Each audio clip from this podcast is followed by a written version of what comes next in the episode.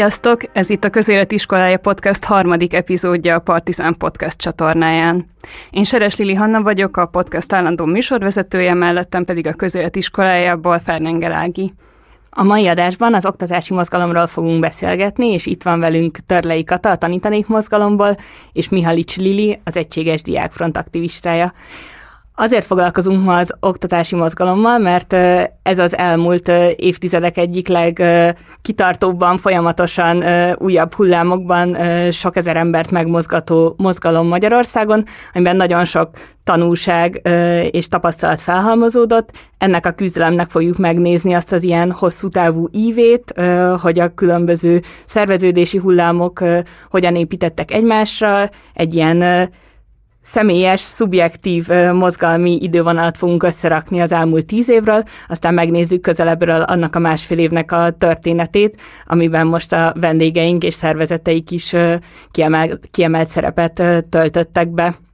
az aktivista is ember, és hogy bárkiből lehet aktivista, és ezért azt szeretnénk először is kérni tőletek, hogy mondjátok el röviden azt, hogy ti honnan érkeztetek, és hogyan váltatok aktivistává, és milyen út vezetett ide, illetve hogy mondját, vagy mutassátok be a szervezetet, ahol aktívak vagytok.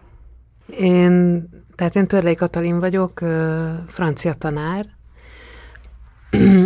69-ben születtem, tehát nem vagyok már nagyon-nagyon fiatal, és a, az egyetemi tanulmányaim elvégzése után nem lettem rögtön tanár. Ez nem volt nekem egy ilyen gyermekkori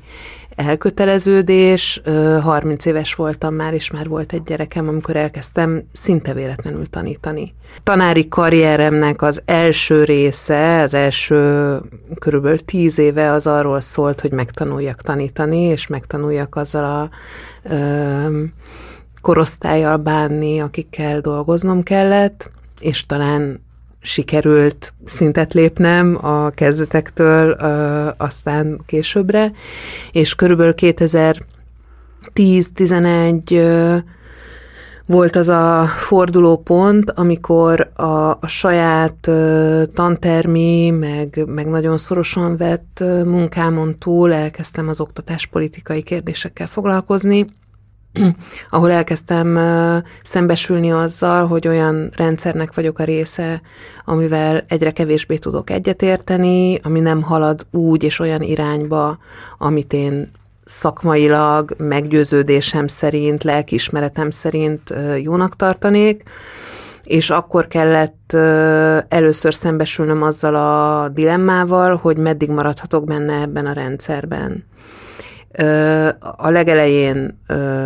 ilyen csatlakozó, tüntető résztvevőként vettem részt különféle tiltakozásokban,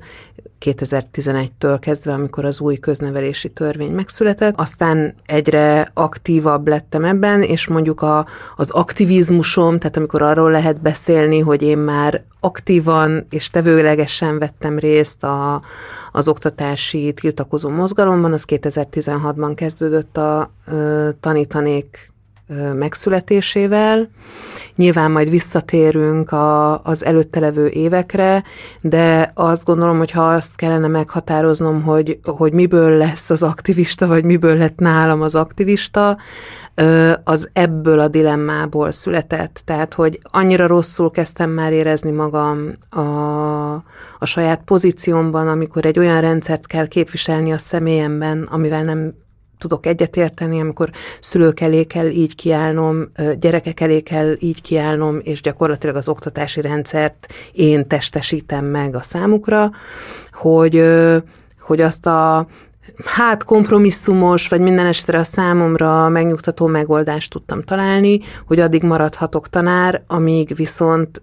minden alkalommal, amikor ezt szükségesnek tartom, amikor ez kell, és ez egyre sűrűbb lett, kiállok a, azok ellen a problémák ellen, vagy azok, azokra felhívom a figyelmet, amikkel találkozom. Tehát nem megyek el szó nélkül, nem ö, igyekszem ö, olajozott kis csavarként működni a rendszerben, hanem hanem felhívom rá a figyelmet. Tehát, hogy a, az én aktivizmusom az ebből a lelkismereti konfliktusból született, és tartott egészen a 2022. szeptemberi elbocsátásomig, ami egy újabb lelkismereti konfliktust okozott, hogy vajon maradhatok-e aktivista az oktatási mozgalomban, akkor, hogyha már nem lehetek terepen tanár. Egyelőre most még tartom a, az egyensúlyt, tehát azt gondolom, hogy, hogy ö, van még annyi hitelességem, vagy van annyi kreditpontom, amit összegyűjtöttem, hogy, hogy ezt megtehessem, de ez megint csak egy nagyon nehéz helyzet volt. És visszatérve a kezdetekre, mi volt az első olyan alkalom, amikor te szervező aktivista szerepben vettél részt valamiben, és nem csak résztvevőként? Egészen pontos dátumot nem tudok ehhez rendelni, ez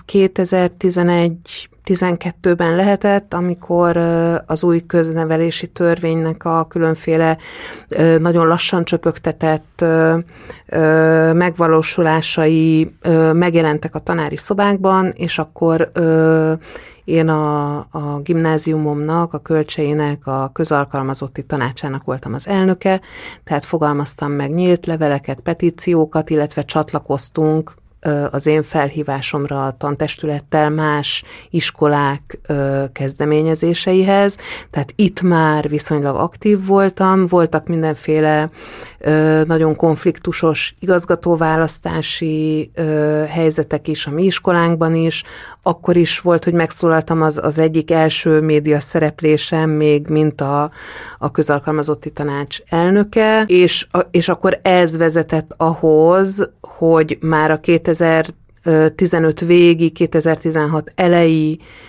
eseményekben is viszonylag aktív voltam, viszonylag bátran, ha tetszik, vagy, vagy vakmerően ö, szólaltam meg ö, a médiában, és, ö, és ez vezetett oda, hogy a, a tanítanék mozgalmat elindító Pilc Olivér ö, bevont engem a ö, tanítanék munkájába körülbelül a legelején, tehát egy hónap után, az akkor egy ilyen borzasztóan felpörgetett időszak volt, a tanítanék valamikor a nyílt levéllel 2016. januárjában indult, és március 15-ére meg már megszerveztük azt a hatalmas tüntetést, ami, ami félmjelezte azt az évet, és abban én már abszolút tevőleges szerepet töltöttem be, és utána is hullámzó intenzitással, de attól kezdve teljesen folytatólagosan követem el ezt az aktivizmust. Most nem fogunk jobban belemenni a tanítanék kezdeti időszakába, de hogyha a hallgatók közül valakit érdekel jobban, akkor Katával szintén a Partizán Podcast csatornájának készületlenülnek a adását meg tudjátok hallgatni, ahol erről bővebben beszélgettek Gulyás Marcival. És Lili, neked hogy vezetett ide az utad?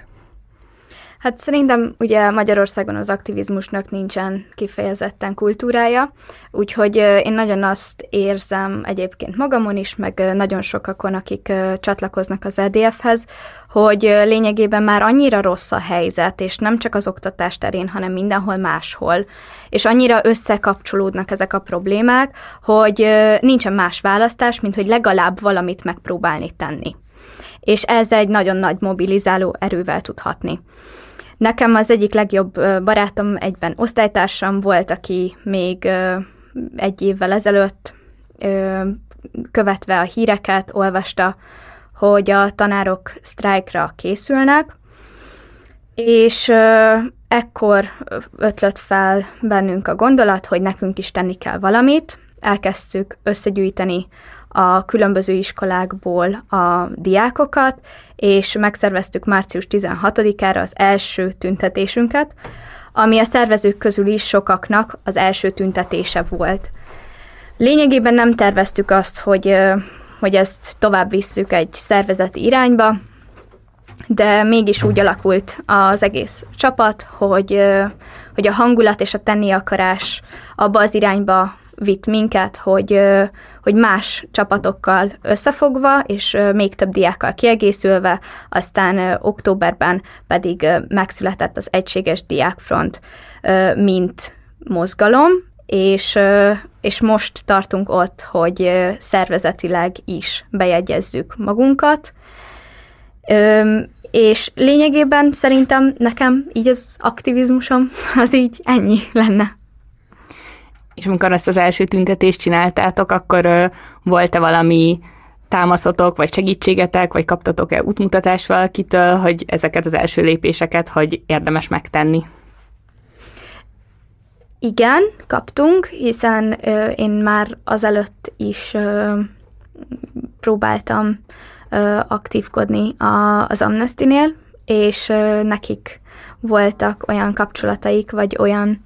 tapasztalataik, amiket, amiken keresztül így ö, tudtunk előre jutni, hogy hogyan kell bejelenteni egy tüntetést, hogy a Pride adjon nekünk megafonokat, és a többi. És uh, igazából ez minket is meglepett, hogy hányan eljöttek, meg azokat is, akikkel uh, együtt dolgoztunk, de, de minden esetre nagyon nagy uh, löketet adott nekünk. Én itt szeretnék egy mondatot mondani, mert a Lili valószínűleg még ovis volt, amikor az én aktivizmusom kezdődött, de én viszont már nagyon tudatosan figyeltem a dolgokra, amikor az ő aktivizmusa megszületett, és az a márciusi tüntetés, amit Liliék létrehoztak, az egy fantasztikus erőt adott azoknak a tanároknak, akik a tiltakozásban részt vettek. Akkor ugye már túl voltunk a sztrájk törvénynek a a módosításán, a rendeleti módosításán, és a mi iskolánkban nagyon sokan polgári engedetlenség formájában próbálták kifejezni az, az, az ellenérzéseiket és a, a haragjukat, és pont azon a napon nagyon sokan így nem vették fel a munkát, és miközben én különféle sajtóorgánumoknak a kérdéseire válaszoltam ezzel kapcsolatban, mint szervező az iskolámban és úgy egyáltalán, akkor egyszer csak megláttam a telefonomon, hogy, hogy mi történik azokban a pillanatokban a, a parlamentnél, és tényleg hátborzongató volt, és nagyon megható ez a pillanat, amikor azt éreztük, hogy a, hogy a diákjaink ott vannak, és és felfedeztük a saját tanítványainkat a tömegben, és, és láttuk azt a lendületet, meg erőt, amit ők behoznak ebbe a mozgalomba. Tehát, hogy nagyon-nagyon-nagyon fontos pillanat volt az, amikor a Liliék mozgalma elindult ahhoz, hogy a, a pedagógusok körében ö, levő ilyen-olyan formákban ö, megnyilvánuló ellenállás, az tovább mehessen.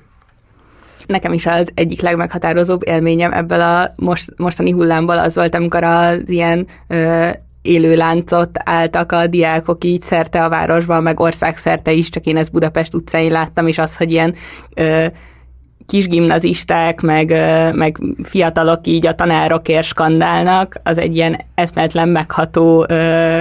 meg ilyen megmozgató politikai pillanat volt ez a fajta szolidaritás, amit kialakult, kialakult az elmúlt másfél évben. Szerintem azt nagyon fontos még hozzátenni, pont az élő láncokra visszatérve, hogy azok voltak azok az események, ahol a legnyilvánvalóbb volt az, hogy a szülők is beleálltak a dologba. Mm. Itt nem arról van szó, hogy azelőtt ne lettek volna szülői csoportok, akik támogatták volna azokat az oktatáspolitikai elképzeléseket, amikről például mi is beszéltünk, de ez a fajta utcai alulról szerveződő, helyi közösségek által létrehozott hármas összefogás mm. talán az élőláncokban volt a leglátványosabb,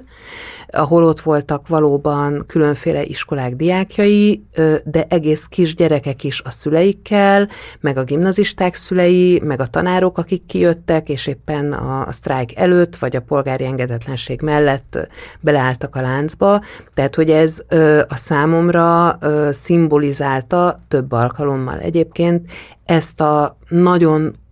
új, valóban organikus összefogását az iskola használók közösségének.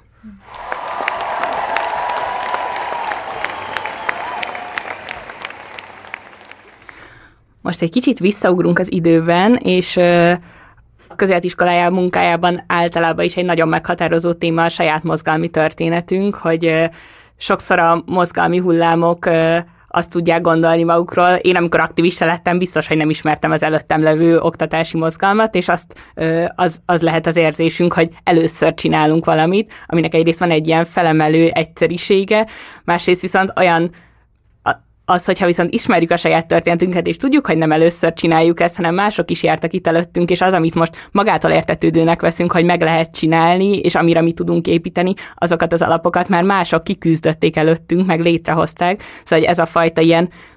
beágyazottsága, meg ilyen is, megismerése a mozgalmi történetünknek, az, az egy ilyen nagyon fontos alap, meg, meg meg egy ilyen gyakorlati alapot is tud adni ahhoz, hogy ne kelljen minden küzdelemnek előről kezdeni, ahogy a Lili is mondta, hogy hogyan segítettek a prájdosok, meg az amnestisek, és és erről fogunk most kicsit beszélni, hogy, hogy idézzük fel azt, hogy mik azok a gyökerek, mi az az ilyen közelmúltbeli története az oktatási mozgalomnak, ami a ti küzdelmeteknek az, az alapjait tudja adni, vagy ami előttetek jött. 2010-ben vált publikussá a, az új törvénynek a tervezete, és az oktatási a, a, hát most már köznevelésének Köznevelés. hívják, uh-huh. igen, de a közoktatást érintette, és ez volt ugye a, a, az, e, a, az Orbán kormánynak az egyik első ilyen nagy programszerűen beígért projektje, hogy most aztán egyrészt eljön a Kánaán az iskolák világába, vagy a, az oktatás világában, ne zárjuk ki az óvodákat és az egyetemeket sem, ö, és mostantól tolvonásra hirtelen ö, tekintélye lesz a pedagógusoknak, plusz pénze. Tehát, hogy ez mindenkit azért érdekelt, aki, aki benne volt ebben a, a világban, de hát azért azt tudni kell, hogy a, a pedagógusok nagy része, egyébként én sem, nem azzal töltjük az időnket, hogy különféle törvénytervezeteket olvasunk. Viszont, Lepő. viszont nagyon-nagyon hiteles emberek, hozzáértő szakértők, terepen dolgozó gondolkozók,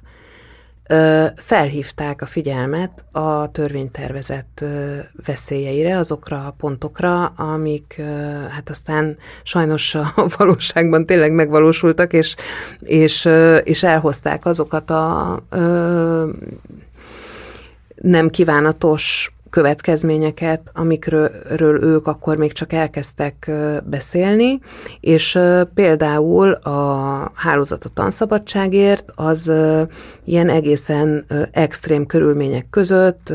mínusz sok fokban a parlament előtt, a decemberi törvény elfogadás előtt fogadóóra sorozatot hirdetett meg, volt egy-két tüntetés is, de, de szóval tényleg emberek beletették az idejüket, a fizikai energiájukat abba, hogy felhívják a társadalom figyelmét arra, hogy itt valami olyan következik, ami ö, egyrészt a, a propagandában megjelenő ö, ígéreteket nem fogja beváltani, másrészt ö, egy előrehaladó pálya helyett így a múltba repíti vissza az oktatási rendszert. Erre figyeltem én fel, és akkor el is mentem ilyen fogadóórákra, akkor még mint közönség, tüntetésekre, mint résztvevő tüntető, és,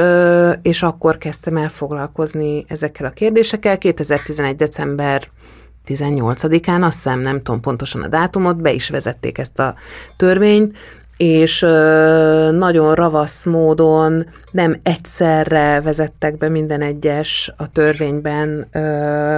felsorolt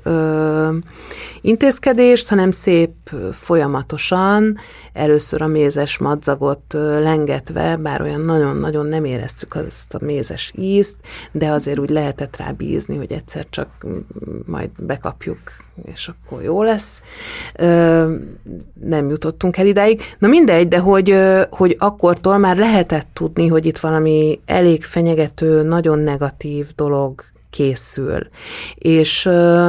és erre jött rá aztán az egyetemeket meg szorongató, a férőhelyeket korlátozó intézkedést 2012 végén, 13-ban, amikor meg ö, született a hallgatói hálózat, illetve az őket támogató középiskolai hálózat, a HAHA és a KIHA. És az oktatói hálózat és is az egyébként. oktatói hálózat is, aki meg az egyetemi oktatókat ö, ö, vagy a, a, a, ő közöttük a progresszív gondolkozásúakat ö, ö, gyűjtötte össze, és akkor hirtelen ez már egy ilyen személyes ügyé is vált nekem, mert a, a lányom az részt vett a, a középiskolai hálózatban, én elmentem az egyetemfoglalásokra Pogácsával, hogy adjak az ott levőknek ennivalót,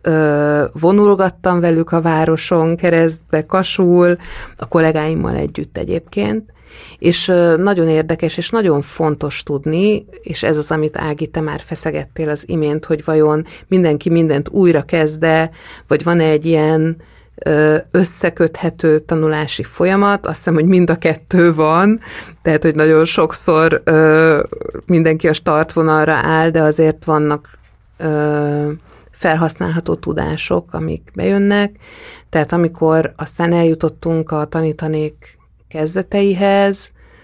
és ö, teljesen naív, ö,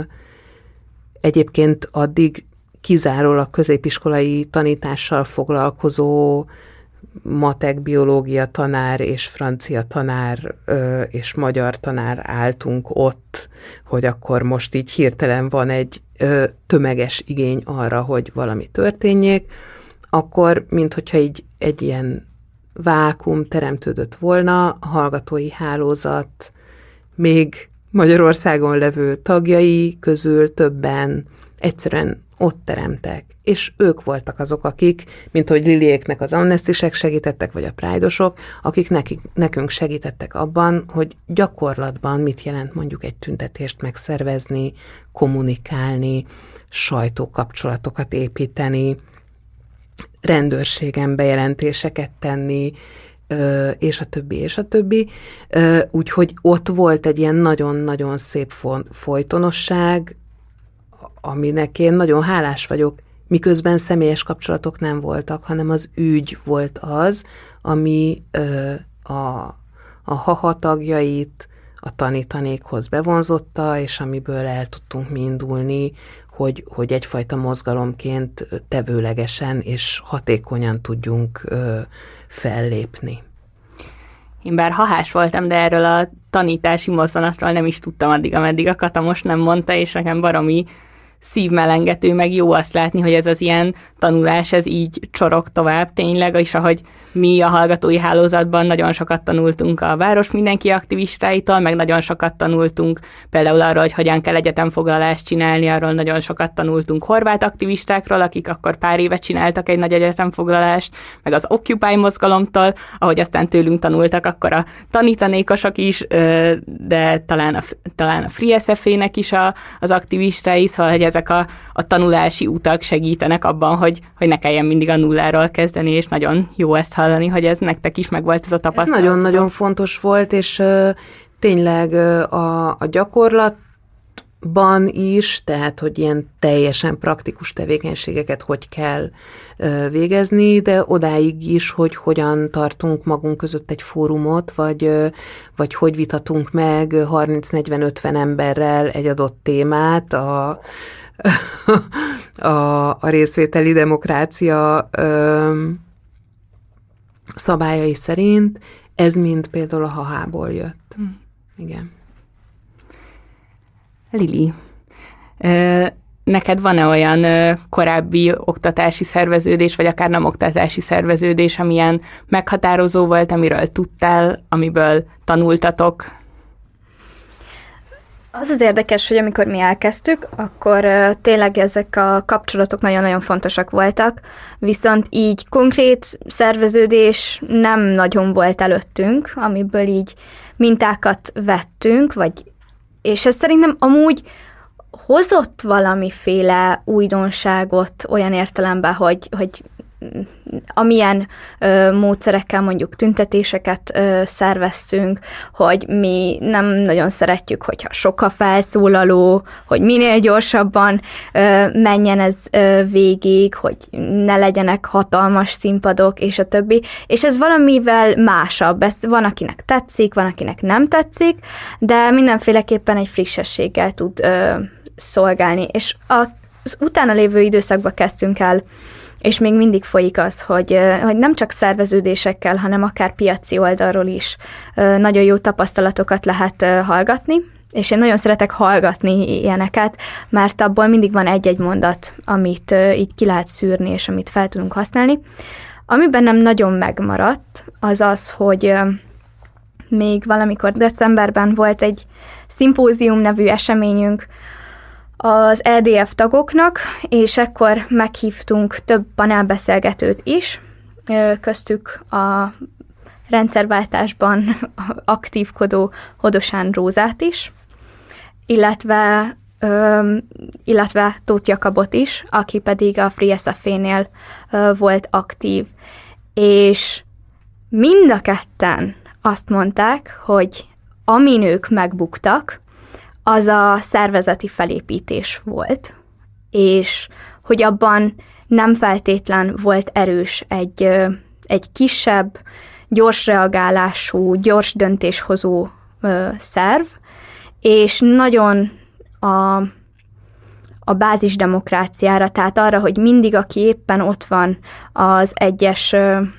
az egyes üléseken, megbeszéléseken azok szavaznak, tehát ez vonal túlságosan erős volt, és így nem egy irányba haladt a, az egész elképzelés, és ezen mi úgy próbálunk változtatni, és ezért is mondtam a piaci szereplőket, vagy aki ilyen téren dolgozik, mondjuk szülő, vagy egyéb aktív állampolgár, mert, mert szerintem nagyon-nagyon fontos, hogy próbáljunk meg egy egy hosszú távú stratégiát kialakítani, jól elemezni a kontextust, amiben találjuk magunkat, és egy olyan szervezeti struktúrát felépíteni, amiben a demokrácia érvényesül, viszont megvan a gyors reagálás is, és ez a kettő valami egészséges balanszban van. És ezt nem mondom, hogy teljes mértékben megtaláltuk, még mindig átalakulunk, próbálunk megújulni, különböző ilyen ö, inputokat ö, bevonni abba, amit csinálunk, és ahogy csináljuk, de, de mindenféleképpen most például a népszavazási projektünk kapcsán is egy, egy ilyen irányba haladunk, hogy, hogy egy kampányt vigyünk végig, és mi legyünk azok, akik a kommunikációt alakítjuk, ne pedig a kormányra reagáljunk. Semmit rólunk nélkülünk, semmit rólunk nélkülünk, semmit rólunk nélkülünk, semmit rólunk nélkülünk. A bázisdemokrácia ez egy nagy uh, dilemma szerveződéseknél, uh, és uh, én már biztos, hogy nem hiszek az ilyen teljes bázisdemokráciában, mert pont az egy ilyen nagyon szétfolyó, meg egy ilyen uh, elleplezése a valódi hierarchiáknak csomószor, és, uh, és ilyen disz, rossz, rossz működésekhez tud vezetni, de Mindemellett viszont eszmetlen meghatározó élmény volt nekem az, hogy a hallgatói hálózat így működött, és az a fajta ilyen ö, az, hogy így tehetünk, meg beleszólhatunk, és a demokráciának az ilyen fajta ilyen megtapasztalása eszmetlen felszabadító hatással volt nagyon, nagyon sok mindenkire, aki részt vett, és azért értek vissza az emberek az ilyen végtelenné nyúló fórumokra is, mert egyszerűen annyira felemelő ö, volt ez az élmény, és ö, ez egyrészt nekem kötődik ahhoz, hogy, hogy az, hogy, hogy milyen szervezeteket építünk, az nem csak egy ilyen ö, módszertani kérdés, hanem az is egy ilyen politikai kérdés, hogy olyan szervezeteket építsünk, amik belülről úgy működnek, mint ahogy szeretnénk, hogy a világ nagyban is működjön, hogy ez egy ilyen kísérleti terep tud lenni arra, hogy azokat a viszonyokat, amiket szeretnénk a világban látni, azokat kicsiben meg tudjuk-e csinálni, és utána tudjuk azokat, vagy akkor lehetünk képesek egyáltalán megcsinálni nagyba, hogyha már pár ember között ez tud működni. Meg nekem az ebben az ilyen hallgatói hálózatok fórumaiban az egy ilyen nagyon nagy tapasztalat volt vagy nagyon erős tapasztalat volt azt megérezni, meg hogy nagyon sokszor mondtuk azt, hogy a, fórum, a fórumnak a bölcsessége az egy mm. ilyen mhm. kiemelt fontosságú dolog volt, szóval, hogy mi, mint közösség, többek vagyunk, mint az egyének összessége, és ez egy ilyen az egyébként nagyon ilyen individualizáló, meg a hatalom is arra játszik, hogy szétválassza azokat, akik szerveződnének, ez egy ilyen eszmetlenül megerősítő dolog, és valahogy ezt kell aztán egy szervezetben egyensúlyba hozni, hogy egyrészt működésképes legyen, meg döntésképes legyen, de közben meg tudja adni az embereknek ezt az ilyen ö, csatlakozási lehetőséget, meg azt, hogy aztán minél többen, minél több felelősséget tudjanak vállalni a szervezetben, és beljebb kerülni, és, és ők is vezetőkké válni aztán én egyébként a bázisdemokráciának hatalmas kritik, kritizálója vagyok, mert szerintem hosszú távon működésképtelen, és, és akkor lehetséges, hogy például ez a, ez a legnagyobb tanulás, amit, hogyha visszatekintve az eddigi szervezet, vagy szerveződésekre nézhetünk, hogy, hogy valahogy akik így működtek, hosszú távon nem maradtak fenn. És, és lehetséges, hogy nem csak ez volt az oka, de, de én, amiket eddig így hallottam, az elég, eléggé közre tud benne játszani. Főleg úgy, hogy, hogy közben pedig vagyunk egy olyan, olyan politikai térben, ahol minket megpróbálnak szétdarabolni, és egymás ellen fordítani, és a bázisdemokráciában ez a legkönnyebben működőképes, de közben meg nagyon megértem azt, hogy, hogy ez egy olyan demokrácia érzést tud adni, amit egyébként pedig szintén ebben a politikai térben nem tapasztalhat meg az ember. Szerintem egyébként ez a bázos, bázisdemokrácia kérdés, ez több külön podcast adást Ez biztos. megérdemelne. Borzasztóan nehéz kérdés, mert, mert azt hiszem, hogy mindannyiunknak, akik itt ülünk, meg, meg sokaknak, akik ilyen alulról szerveződő mozgalmakban vesznek részt, ez egy ilyen ideális forma arra, hogy a demokratikus igényünket kiéljük és megadjuk másoknak. Ugyanakkor ennek nem csak a Lili által felvázolt időbeli korlátai, meg, meg korlátozói vannak, tehát hogy amikor nagyon gyorsan kell reagálni valamire, vagy nagyon gyorsan kell döntést hozni, akkor ez egy lassú érlelő folyamat, tehát nem működhet, hanem szerintem ö, mennyiségi korlátai is vannak. Tehát ö, szerintem a, az, a, az SFE egyetem foglalás az egy nagyon szép példa arra, hogy mik azok a keretek, amiken belül szépen és viszonylag jól tud működni a bázisdemokrácia. Ez körülbelül 4-500 fő. Hogyha abba belegondolunk, hogy a tanítanék indulásakor is már több tízezer pedagógussal kellett egy platformon valahogy együtt mozogni, az belátható, hogyha ott bázisdemokratikus eszközökkel kezdtünk volna el élni, akkor valószínűleg nem történt volna semmi, azon túl, hogy megéltük volna ezt a, az egyébként nagyon felemelő élményt. Tehát, hogy nagyon nehéz tömegesíteni, vagy nagyon-nagyon jó infrastruktúra kell hozzá és az infrastruktúra megteremtése az maga is marha sok idő. Talán most egyébként a tanítanék olyan fázisban van, hogy ez az infrastruktúra elkezdett kiépülni, hogy elkezdődött egy hálózatosodás, ahova aztán be lehet majd hozni a bázis demokratikus vagy a, ö, eszközöket, vagy azoknak egy részét, de igazából ö, egy olyan szerveződésről volt szó, ahol ha valaki megjelent és mondott valami jót, akkor az megtörtént, és akkor jöttek velünk az emberek, vagy nem, vagy, ö, de hogy ne, nem volt egyszerűen idő és tér arra, hogy ezt az elején ö, igazán jól és hatékonyan csináljuk, maximum a belső döntési körben. Üm, és ez szerintem egy, egy nagyon fontos dilemma, hogy, hogy tényleg mit tekintünk akkor szervezetnek vagy szerveződésnek. Nálunk például nincs tagság formálisan, nincs szervezet formálisan, ez egy jogi személyiség nélküli izé, amiben mi, mi vagyunk, de valahogy mégis létezik. Sosem volt egy vagy két vagy három személyes vezetőség, meg akkor is, hogyha csak egy vagy két vagy három ember látszik a külvilág felé, hanem mindig közösségi döntések voltak, És de hogy az egész az ilyen nagyon-nagyon egyszerre organikus, egyszerre ilyen véletlenszerű, tehát nehe, nehezen definiálható. Most egy picit már talán eljutunk hamarosan abba a fázisba, hogy, hogy lehet majd valamiféle szervezetről beszélni. Igen, ezt akartam kérdezni, hogy ennek mi volt az oka, hogy, hogy nem, nem kereteztétek úgy, vagy nem jegyeztettétek be, vagy hogy ez, az volt, ez egy tudatos választás? Ez, ez egy tudatos választás volt. A tanítanék most már közel nyolc éves működése során ez többször felmerült, hogy, hogy kell-e formalizálni a szervezetet, és minden alkalommal úgy döntöttünk, hogy nem, Pontosan azért, mert olyan eszközöket használtunk, és akarunk még mhm. használni, amiket minden szervezeti forma korlátozna. Tehát mi sokkal könnyebben megyünk bele a törvényesség határait feszegető, esetleg azokon túllépő akciókba, mint mondjuk egy formalizált szakszervezet, egyesület, alapítvány, akármi, bármi. És egyelőre minden alkalommal, amikor ez a kérdés felvetődött, akkor ez az érv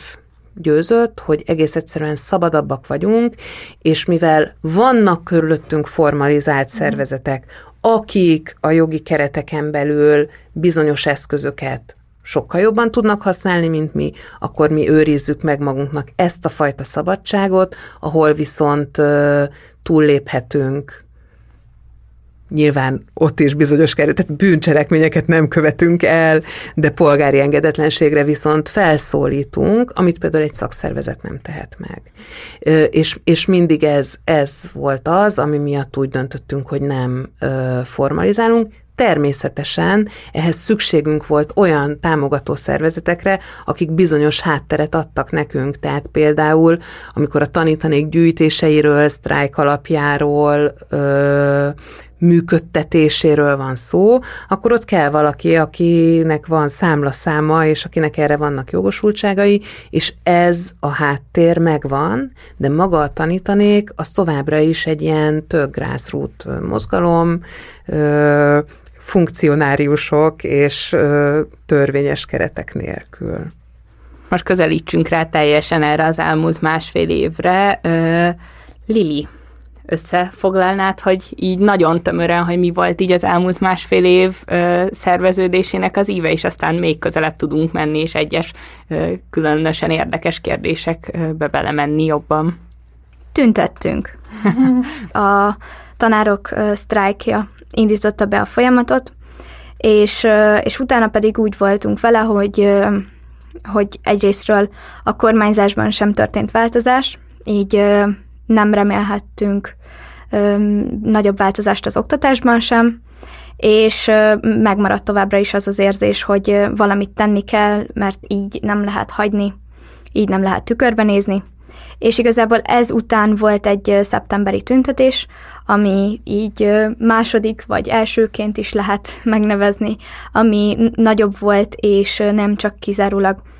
diákokra célzott, mint az első,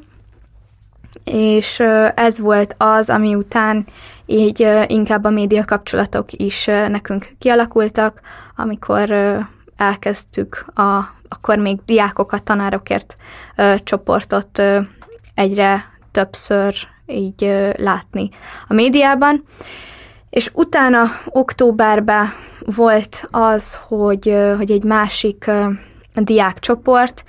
ezt most ne úgy képzeljük el, hogy úristen, itt most szét van szakadva a diákság, és akkor most ezért van másik diákcsoport. Nagyon egyszerű az ok, hogy baráti közösség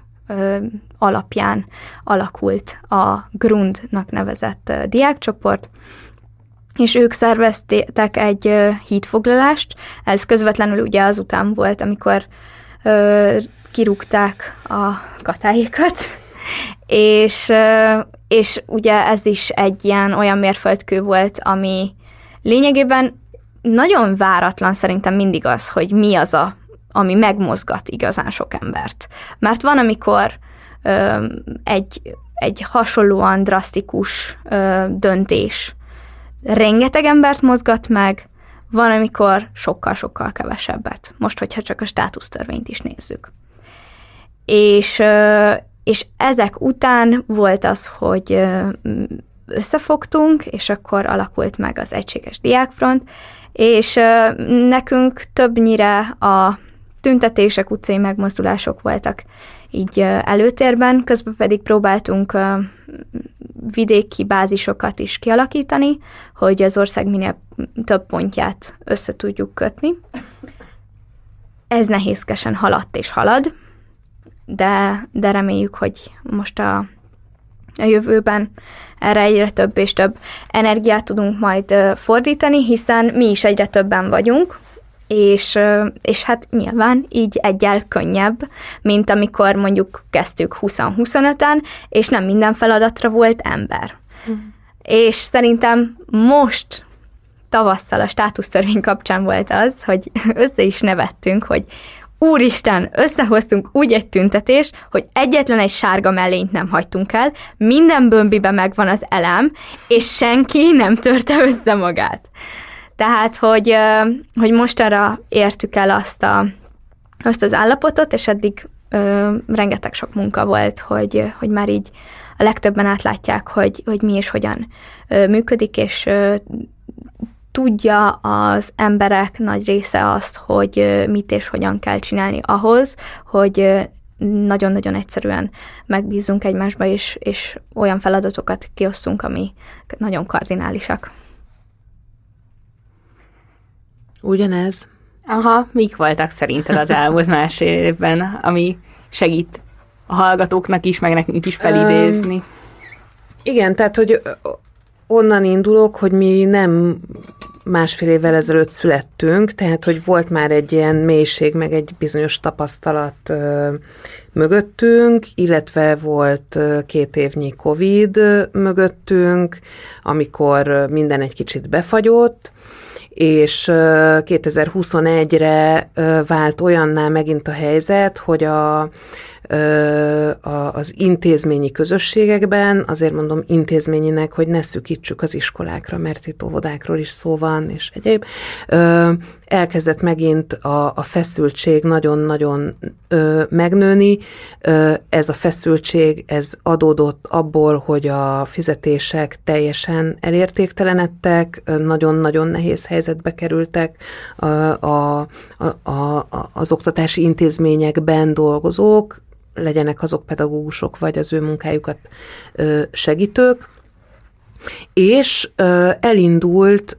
egy nagyon erős és egyébként üdvözlendő és újszerű szakszervezeti összefogás, amikor a két nagy pedagógus szakszervezet közös sztrájkbizottsággal kezdett el tárgyalni a kormányjal. Ez a tárgyalás sorozat, ez bohózatra hasonlított kívülről nézve, de a belső információk szerint is, tehát döntésképtelen vagy döntése nem feljogosított, masszatolós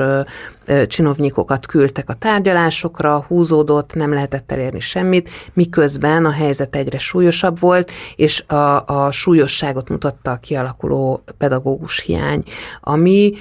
nem egy új jelenség, vannak olyan leszakadó rész, régiók, ahol ez már évtizedes probléma, ahol nem csak a gyerekek szembesülnek, vagy a mostani gyerekek szembesülnek ezzel, hanem már a szüleiknek is ez volt a természetes közeg, de mostanra be szűrődött ez a probléma az oktatási rendszer minden szintjére, és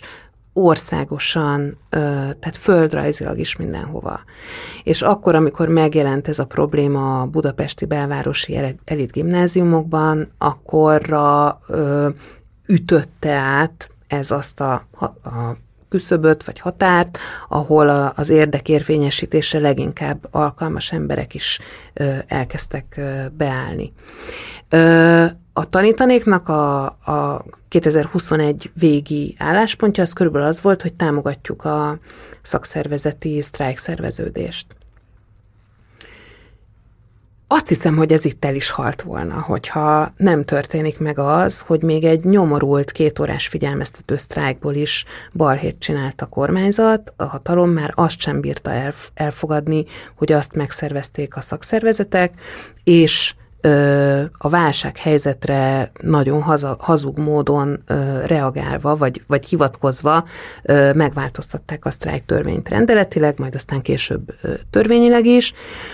és akkor ö, erre ö, reakcióként indult el egyébként nem a tanítanék kezdeményezéseként, hanem teljesen alulról jövően egyes tanári karok résztvevői szervezésében, a Szent László gimnázium, a Kölcsei gimnázium, a, a Budaörsi és stb. az a polgári engedetlenségi mozgalom, ö, amit az elején megpróbáltunk egyszerűen csak dokumentálni, meg kell, hogy mondjam, hogy gyakorlatilag akkor egyedül kezeltem a tanítanék Facebook oldalát, és úgy vadáztam le azokat a helyeket, akik most éppen beleállnak, és próbáltam ennek publicitást adni. Majd a, a, a dokumentálás és a koordinálás feladatán túl egyszerűen egy idő után szintet léptünk, és ezt szervezni is kezdtük. A, azért mondom ezt, mert a tanítanék az elmúlt másfél évben másokkal együtt vagy egyedül több nagy hatású utcai rendezvényt nevezzük tüntetésnek is szervezett, de azt gondolom, hogy az igazán újszerű és a, és nagyon erős és fontos, és az, ami kiütötte aztán a biztosítékot a haladtalomnál, az a polgári engedetlenségnek a szervezése volt, ahol ö, egyes emberek és közösségek nagyon jelentős kockázatot vállalva ö, a tevékenységükkel azt az állítást tették ki az asztalra, hogy a keretek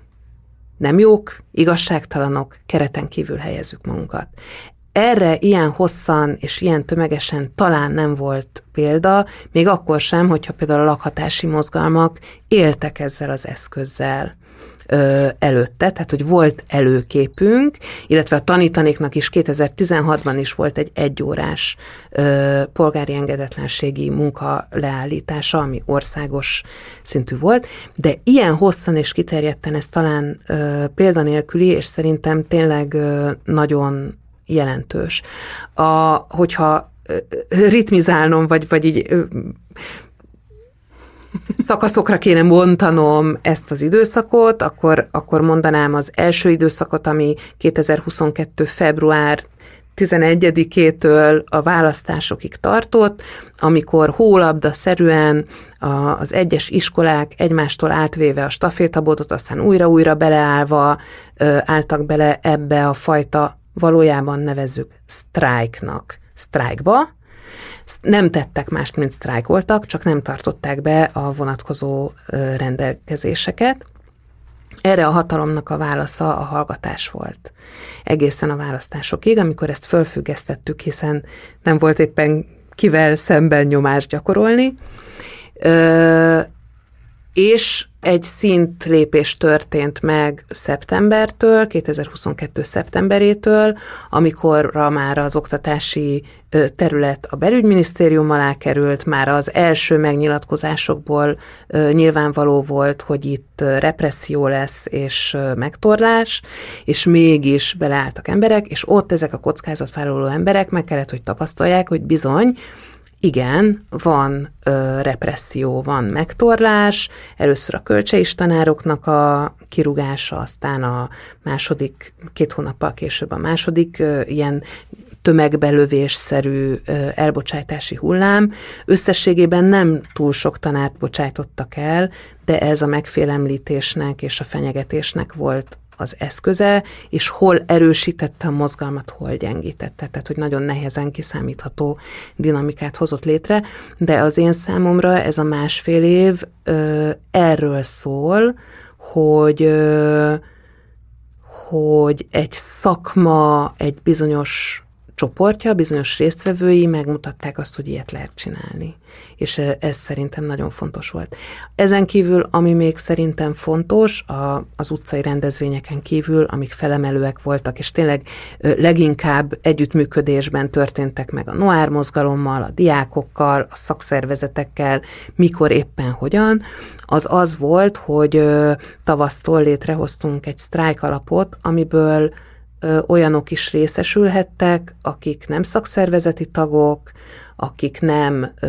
a törvényes sztrájkban vesznek részt, hanem a polgári engedetlenség keretei között megvalósított sztrájkban, tehát bárkinek ez ö, nyitott volt, és ezzel együtt elkezdtük megteremteni azt a hálózatot, ami mostanra, mondjuk, hogyha a hírlevelünknek az, az elérését nézzük, akkor közel százezer embert ér el, ezek közül 15-20 ezer pedagógust, nagyon sok támogató állampolgárt, és gyakorlatilag mindaz a lap, amit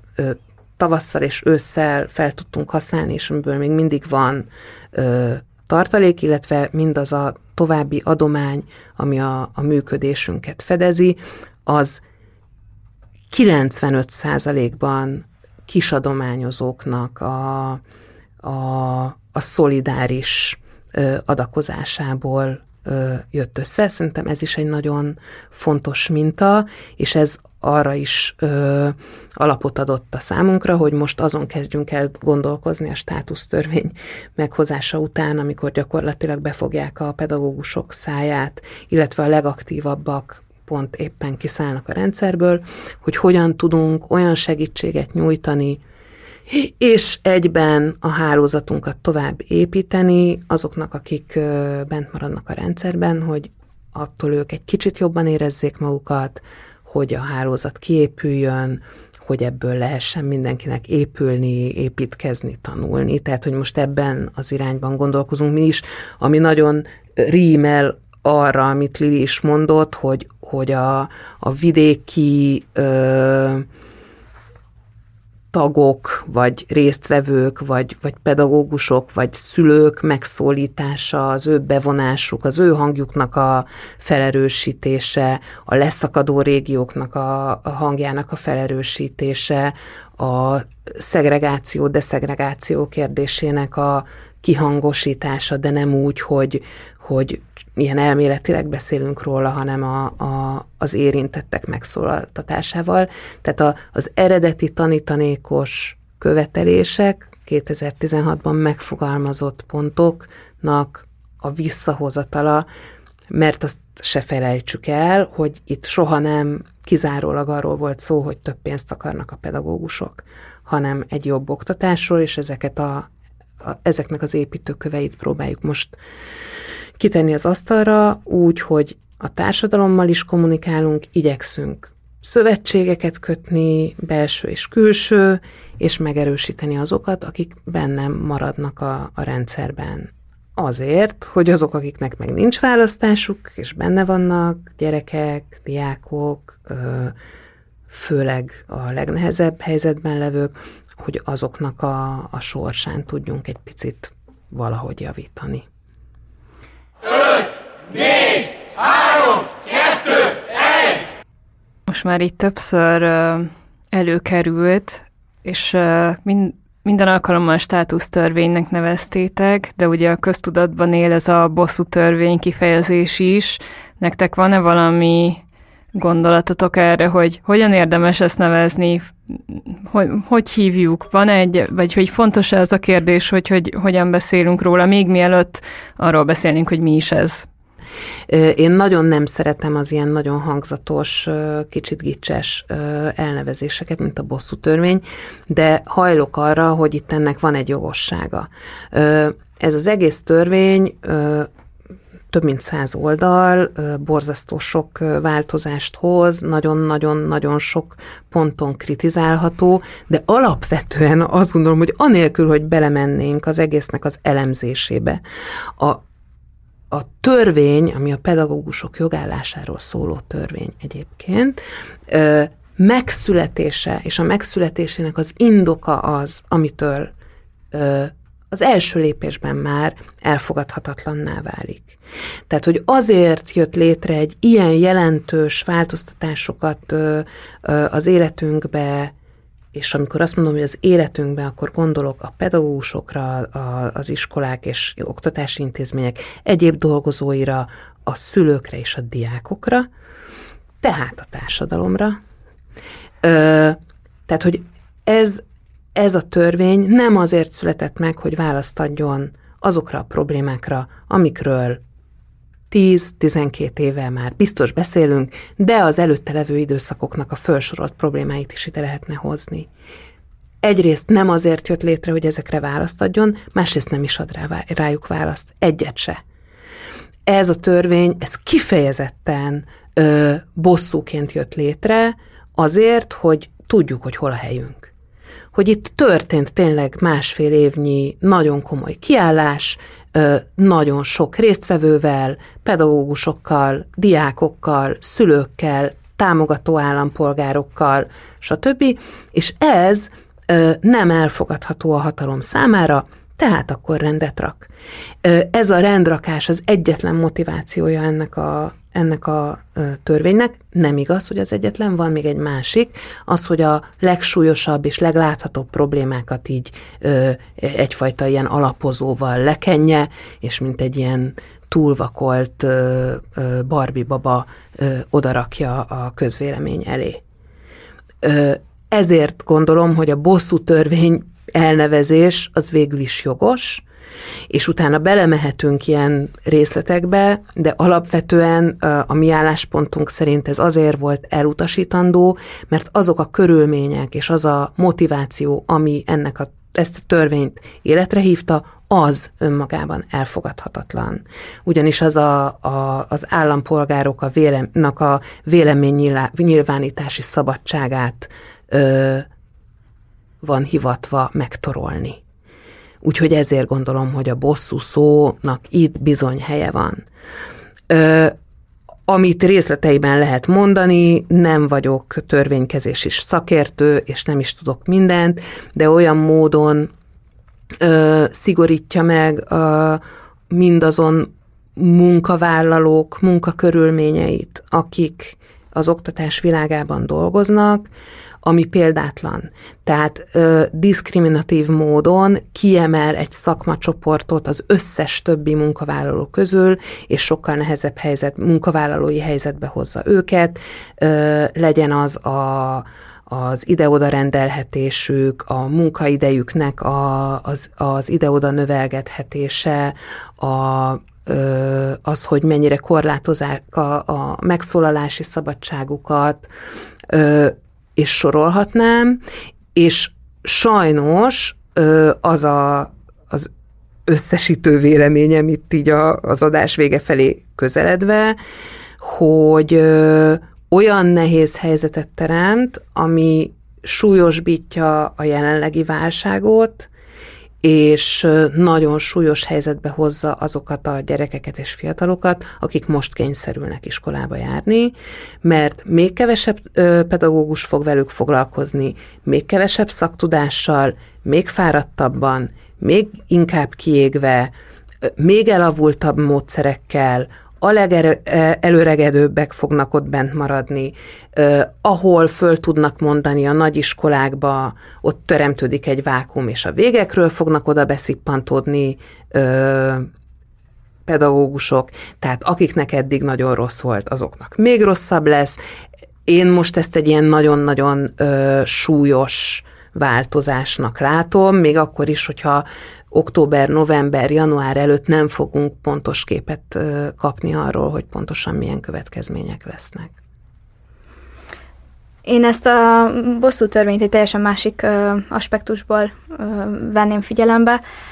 Ez arra is ö, hasznosítható volt a kormány oldaláról, hogy ö, nem tehetjük meg azt, és gondolok itt az összes olyan civil szervezetre és az egész oktatási mozgalomra, hogy ne reagáljunk erre a státusztörvényre. És amíg ez a reakció történt, rengeteg sok energia ment el arra, hogy erre kommunikációt építsünk, tüntetéseket szervezzünk, más egyéb módon adatokat gyűjtsünk, és addig sem a hálózatépítés és a hálózatosodás történt meg. És ismételten egy, egy olyan akadályba ütköztünk, amit egyszerűen nem tudtunk volna kikerülni, mert hogyha, mert hogyha nem érkezik viszont reakció, akkor az legitimálja az egész intézkedést. És, és én voltam azon a, az, hát megbeszélésen, nem is tudom már, hogy minek hívjam. Eligazítás. Jó, eligazításon, amit Pinter Sándor tartott, és engem elképesztett az a profizmus, amivel ők felkészülnek egy-egy ilyen eseményre. Az a jól átgondolt, egyébként hibás, tehát hogy szakmailag és szerintem elképzeléseiben is hibás, de, de logikailag jól felépített érv, ami a bosszú törvény mellett szól, amit jól lehet kommunikálni, és és én azt mondanám, hogy amire nekünk itt nagyon nagy hangsúlyt kellene fektetni, az az, hogy, hogy mi is ugyanígy felkészüljünk, és nem arról van itt most szó, hogy szakmailag nem lenne meg a, a tudás, hanem az, hogy, hogy míg mondjuk a másik oldal rengeteg időt tölt azzal, hogy, hogy ezeket a logikai rendszereket és kommunikációs rendszereket kialakítsa, azt, azt én a mi oldalunkról még ehhez képest hiányosnak látom. Jó, de azért egy annyi engedtessék meg, hogy a hibás szót bűnösre cseréljem, és hogy ne akarjam ezt a fajta működési módot magunknak vindikálni. Biztos, hogy kell dolgoznunk, meg hálózatosodnunk, de azokat a nagyon aljas módszereket, azokat nem hiszem. Tehát, hogy meg kell találnunk a saját útjainkat, hogy, hogy ne azokat kelljen. Ö, jogos profi propagandagépezetről beszélni, ö, de nem szeretném, hogyha ezt a fajta gépezetet építenénk ki mi is. Én most nem erről beszéltem, mert hogy ö, lényegében egy ilyen eligazításon én még azt se tudnám mondani, hogy kifejezetten propaganda szöveg volt, amit hallottam. Hanem tényleg egy, egy olyan érvrendszer, ami olyan alapkövekre épül, ami viszont nem feltétlen igaz. És itt most nem azt hallottuk, hogy, hogy fúj Brüsszel. Amikor a nem igazra építesz fel egy logikai ér- érvelést, az a propaganda. Rendben, de itt olyan dolgokra volt építve, amivel mondjuk lehetséges, hogy egy másik szituációban én is egyetértenék. Mm. Például az, hogy legyenek, ö, tehát hogy legyen ösztönözve a pedagógus arra, hogy a teljesítményén javítson. Uh-huh. És az érrendszer erre az állításra alapult. Hoffman Rózsa óta ezt hallgatjuk. Mm. Rendben, az intézkedés maga, az, azzal nem értek egyet, és nem gondolom, hogy, hogy jó lenne, viszont maga az érrendszer, mivel csak erre az állításra ö, épül, ezért attól még szerintem nem válik propagandává. De. Jó. Ez látszik, hogy ez a státusztörvény egy nagyon lehetetlen helyzetbe hozott titeket, és közben a hatalommal való ütközésnek is egy ilyen közben tehetetlen helyzetből a hatalommal ütközéssel, mert mint hogy ezekben az eligazításban ti nem mint cselekvők tudtok ott lenni, hanem, hanem ezt ezzel szembesültek, hogy akkor Pintér Sándor éppen milyen indoklást ad a, a pedagógus ö, társam kivéreztetéséhez. Még a törvényhez ö, szeretnék felsorolni egy dolgot, szóval, hogy ö, tök jó, hogy Kata mondtál példákat, konkrét példákat arra, hogy ez hogyan lehetetleníti el a, a, az érintetteknek a munkáját és életét gyakorlatilag, de szeretném gyorsan felsorolni, hogy a TASZ összegyűjtötte, hogy az Európai Unió alapjogi csártáját számos ponton megszegi, vagy ezzel ellentétes, vagy ebben az a csártában foglalt alapjogokkal A gyermekek mindenek fölötti érdeke, a gondoskodáshoz való jog, tanszabadság, a tanulók és szülők magánélethez való joga, a foglalkozás szabadsága, tisztességes és igazságos munkafeltételek, a tulajdonhoz való jog, és ugye a diszkrimináció, amit te is említettél. Ö, azt gondolom egyébként, hogy ezek abszolút jogos észrevételek a, a TASZ részéről, és nagyon szakszerűek, de nem ez a törvény az első, mm. ami ö, ezeket megsérti, ezeket mm. a pontokat mind. Ö, azt hiszem, hogy a státusztörvény inkább egy ilyen bebetonozó mm. törvény, mm. nyilván hoz ö, szigorításokat, nehézségeket, ö, és felerősíti azt a kontraszelekciót, amiről egyébként teljes joggal ö, beszélt, de alapvetően itt arról van szó, hogy még ha nem fogadták volna el ezt a státusztörvényt, akkor is ugyanezek miatt a problémák miatt egy óriási válságban lenne az oktatási rendszerünk. Most nem az történt, hogy nem fogadták el, és akkor visszaugrunk a startvonalra, és újra kezdjük a másfél éve, nyolc éve, tíz éve, 26 éve tartó küzdelmet, hanem hogy még nehezebb helyzetbe kerültünk. Tehát, hogy, hogy ahhoz képest, ahonnan elkezdődtek a, a küzdelmek, és tényleg nem a másfél évvel ezelőtti pillanatot jelölném ki, hanem sokkal régebbit, ahhoz képest is nehezebb lesz, mert még inkább meg van kötve azoknak a keze, akik benne vannak a rendszerben, még nehezebb körülmények között vannak, még kevesebb ö, mentális és anyagi lehetőségük lesz arra, hogy önreflektív módon a szakmájukról elkezdjenek gondolkozni, és erről az egész oktatási világról. Egyre jobban leszakadunk a, az európai és világtrendekről, ö, és ez a törvény ezt súlyosbítja, bebetonozza, és nagyon nehézé teszi mindazoknak a munkáját, akik mégis valahogy szeretnének egy, egy ilyen 21. századi ö, normális, semmi különös, csak, csak hogy kapják meg végre ezek a gyerekek azt, ami jár nekik. Akik ez ellen, vagy ezért küzdenek, azok most még sokkal nehezebb helyzetben fognak tovább küzdeni.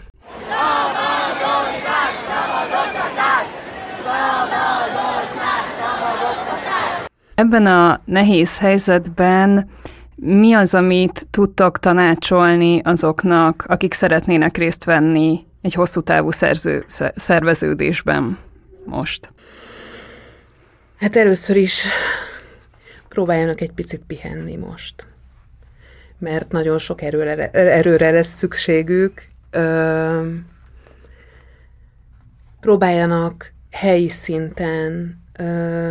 partnereket találni, az lehet a mellettük levő, mellettük ülő kollégájuk, az lehet a tanítványuk, az lehet a tanítványaik szülője, az lehet a barátjuk, de hogy helyi szinten ilyen kis csoportokat kialakítani, amit mi hozzá tudunk ehhez tenni, hogy ilyen-olyan programokkal, támogatással, segítséggel, megpróbáljuk összefogni ezeket a helyi szerveződéseket, de nagyon helyettük nem tudunk mit csinálni. Elérni tudjuk őket, segítséget tudunk ajánlani, és buzdítani tudjuk őket erre. És akkor lehet, hogy most lesz egy ilyen mozgalmilag csendesebb időszak, ki tudja, de az legyen az építkezésé, és akkor egy következő megfelelő pillanatban újra elő lehet jönni. Ez nagyon kiszámíthatatlan, tehát bőven lehetséges, hogy, hogy itt ősszel is balhé lesz, de nem biztos. Nagyon-nagyon megviselődött mindenki, aki ebben az elmúlt másfél évben részt vett. Nagyon sokan elmentek, őket is meg kéne tartani, mert rengeteg tudás koncentrálódik a kezükben, meg a fejükben, meg a szívükben, és azok, akik meg bent maradnak, azok sokkal nehezebb helyzetben maradnak bent. Ö, meg kéne tartani ezt a hármas összefogást, hogy ez működjön, bővíteni, de szóval, hogy lehet, hogy ez most egy ilyen csendesebb építkezős időszak, nem tudom, meglátjuk. Hm. Lili? Szerintem nincs idő pihenni. Az az igazság. Annyira telik az idő, hogy... Ez az 50 év különbség. Ez hmm. most így kijött. Hmm. Én tudom, hogy nincs idő, de azt is tudom, hogy muszáj. Tehát meg kell próbálni úgy csoportosítani az erőforrásokat, az energiákat, hogy, hogy egyszerre tudjon érvényesülni a, a harcos ö, utcán kint vagyunk, és ö, látványosan ellenállunk, és közben pedig a,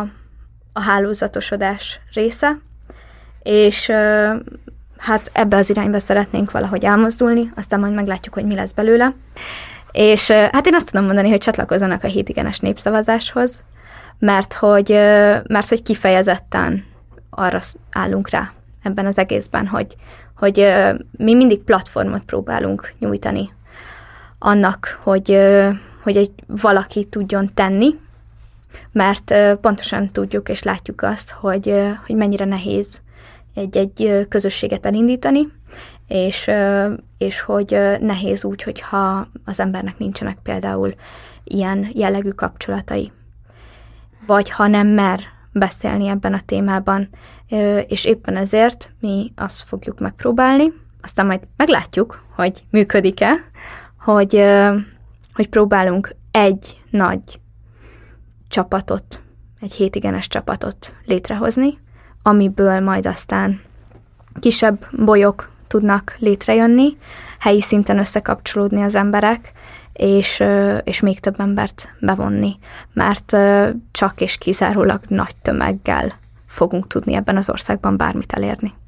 Kérlek azt mondd el, hogy mi a hétigen népszavazás. A hétigenes népszavazás lényegében az oktatás talán hét legsürgetőbb témájáról szól. Itt nagyon fontos kiemelni, hogy ezek témák, amik, amik változtatásra szorulnak, és amikkel, hogyha, amiken, hogyha minél előbb változtatni tudnánk, akkor tovább léphetnénk egy tényleg egy 21. századi oktatási rendszer felé, és a kampány egyik oldala az az, hogy, hogy egy ténylegesen futó népszavazás megy éppen. Most fogjuk megtámadni az elutasított kérdéseket, hiszen, hiszen több jogász szerint is volt olyan kérdésünk, ami, amit mindenféleképpen át kellett volna engedni. De emellett tényleg az állandó nagy aktivista a közösség, vagy egy nagy csapat, akit tenni akar azért, hogy ez az ország másképp nézzen ki, annak a kialakítása és a hálózatosodás lenne a fő célunk az egész projekttel. Köszi Lili. Köszönjük szépen, hogy itt voltatok, és beszélgettetek velünk. Köszönjük a kedves hallgatóknak is, ez a Közéletiskolája Podcast harmadik epizódja volt. Az előző kettőben a Tatai Tóvédők akcióiról beszélgettünk, illetve a Közös Hatalmunk Nemzetközi Konferenciánk kapcsán a társadalmi képzeletről, a mozgalmakról és a hosszú távú építkezésről. Iratkozzatok fel a közéletiskolája hírlevelére, megtaláljátok a leírásban a linket, és kövessétek a Partizánt és a közéletiskoláját. Köszönjük szépen! Mi köszönjük! Köszi!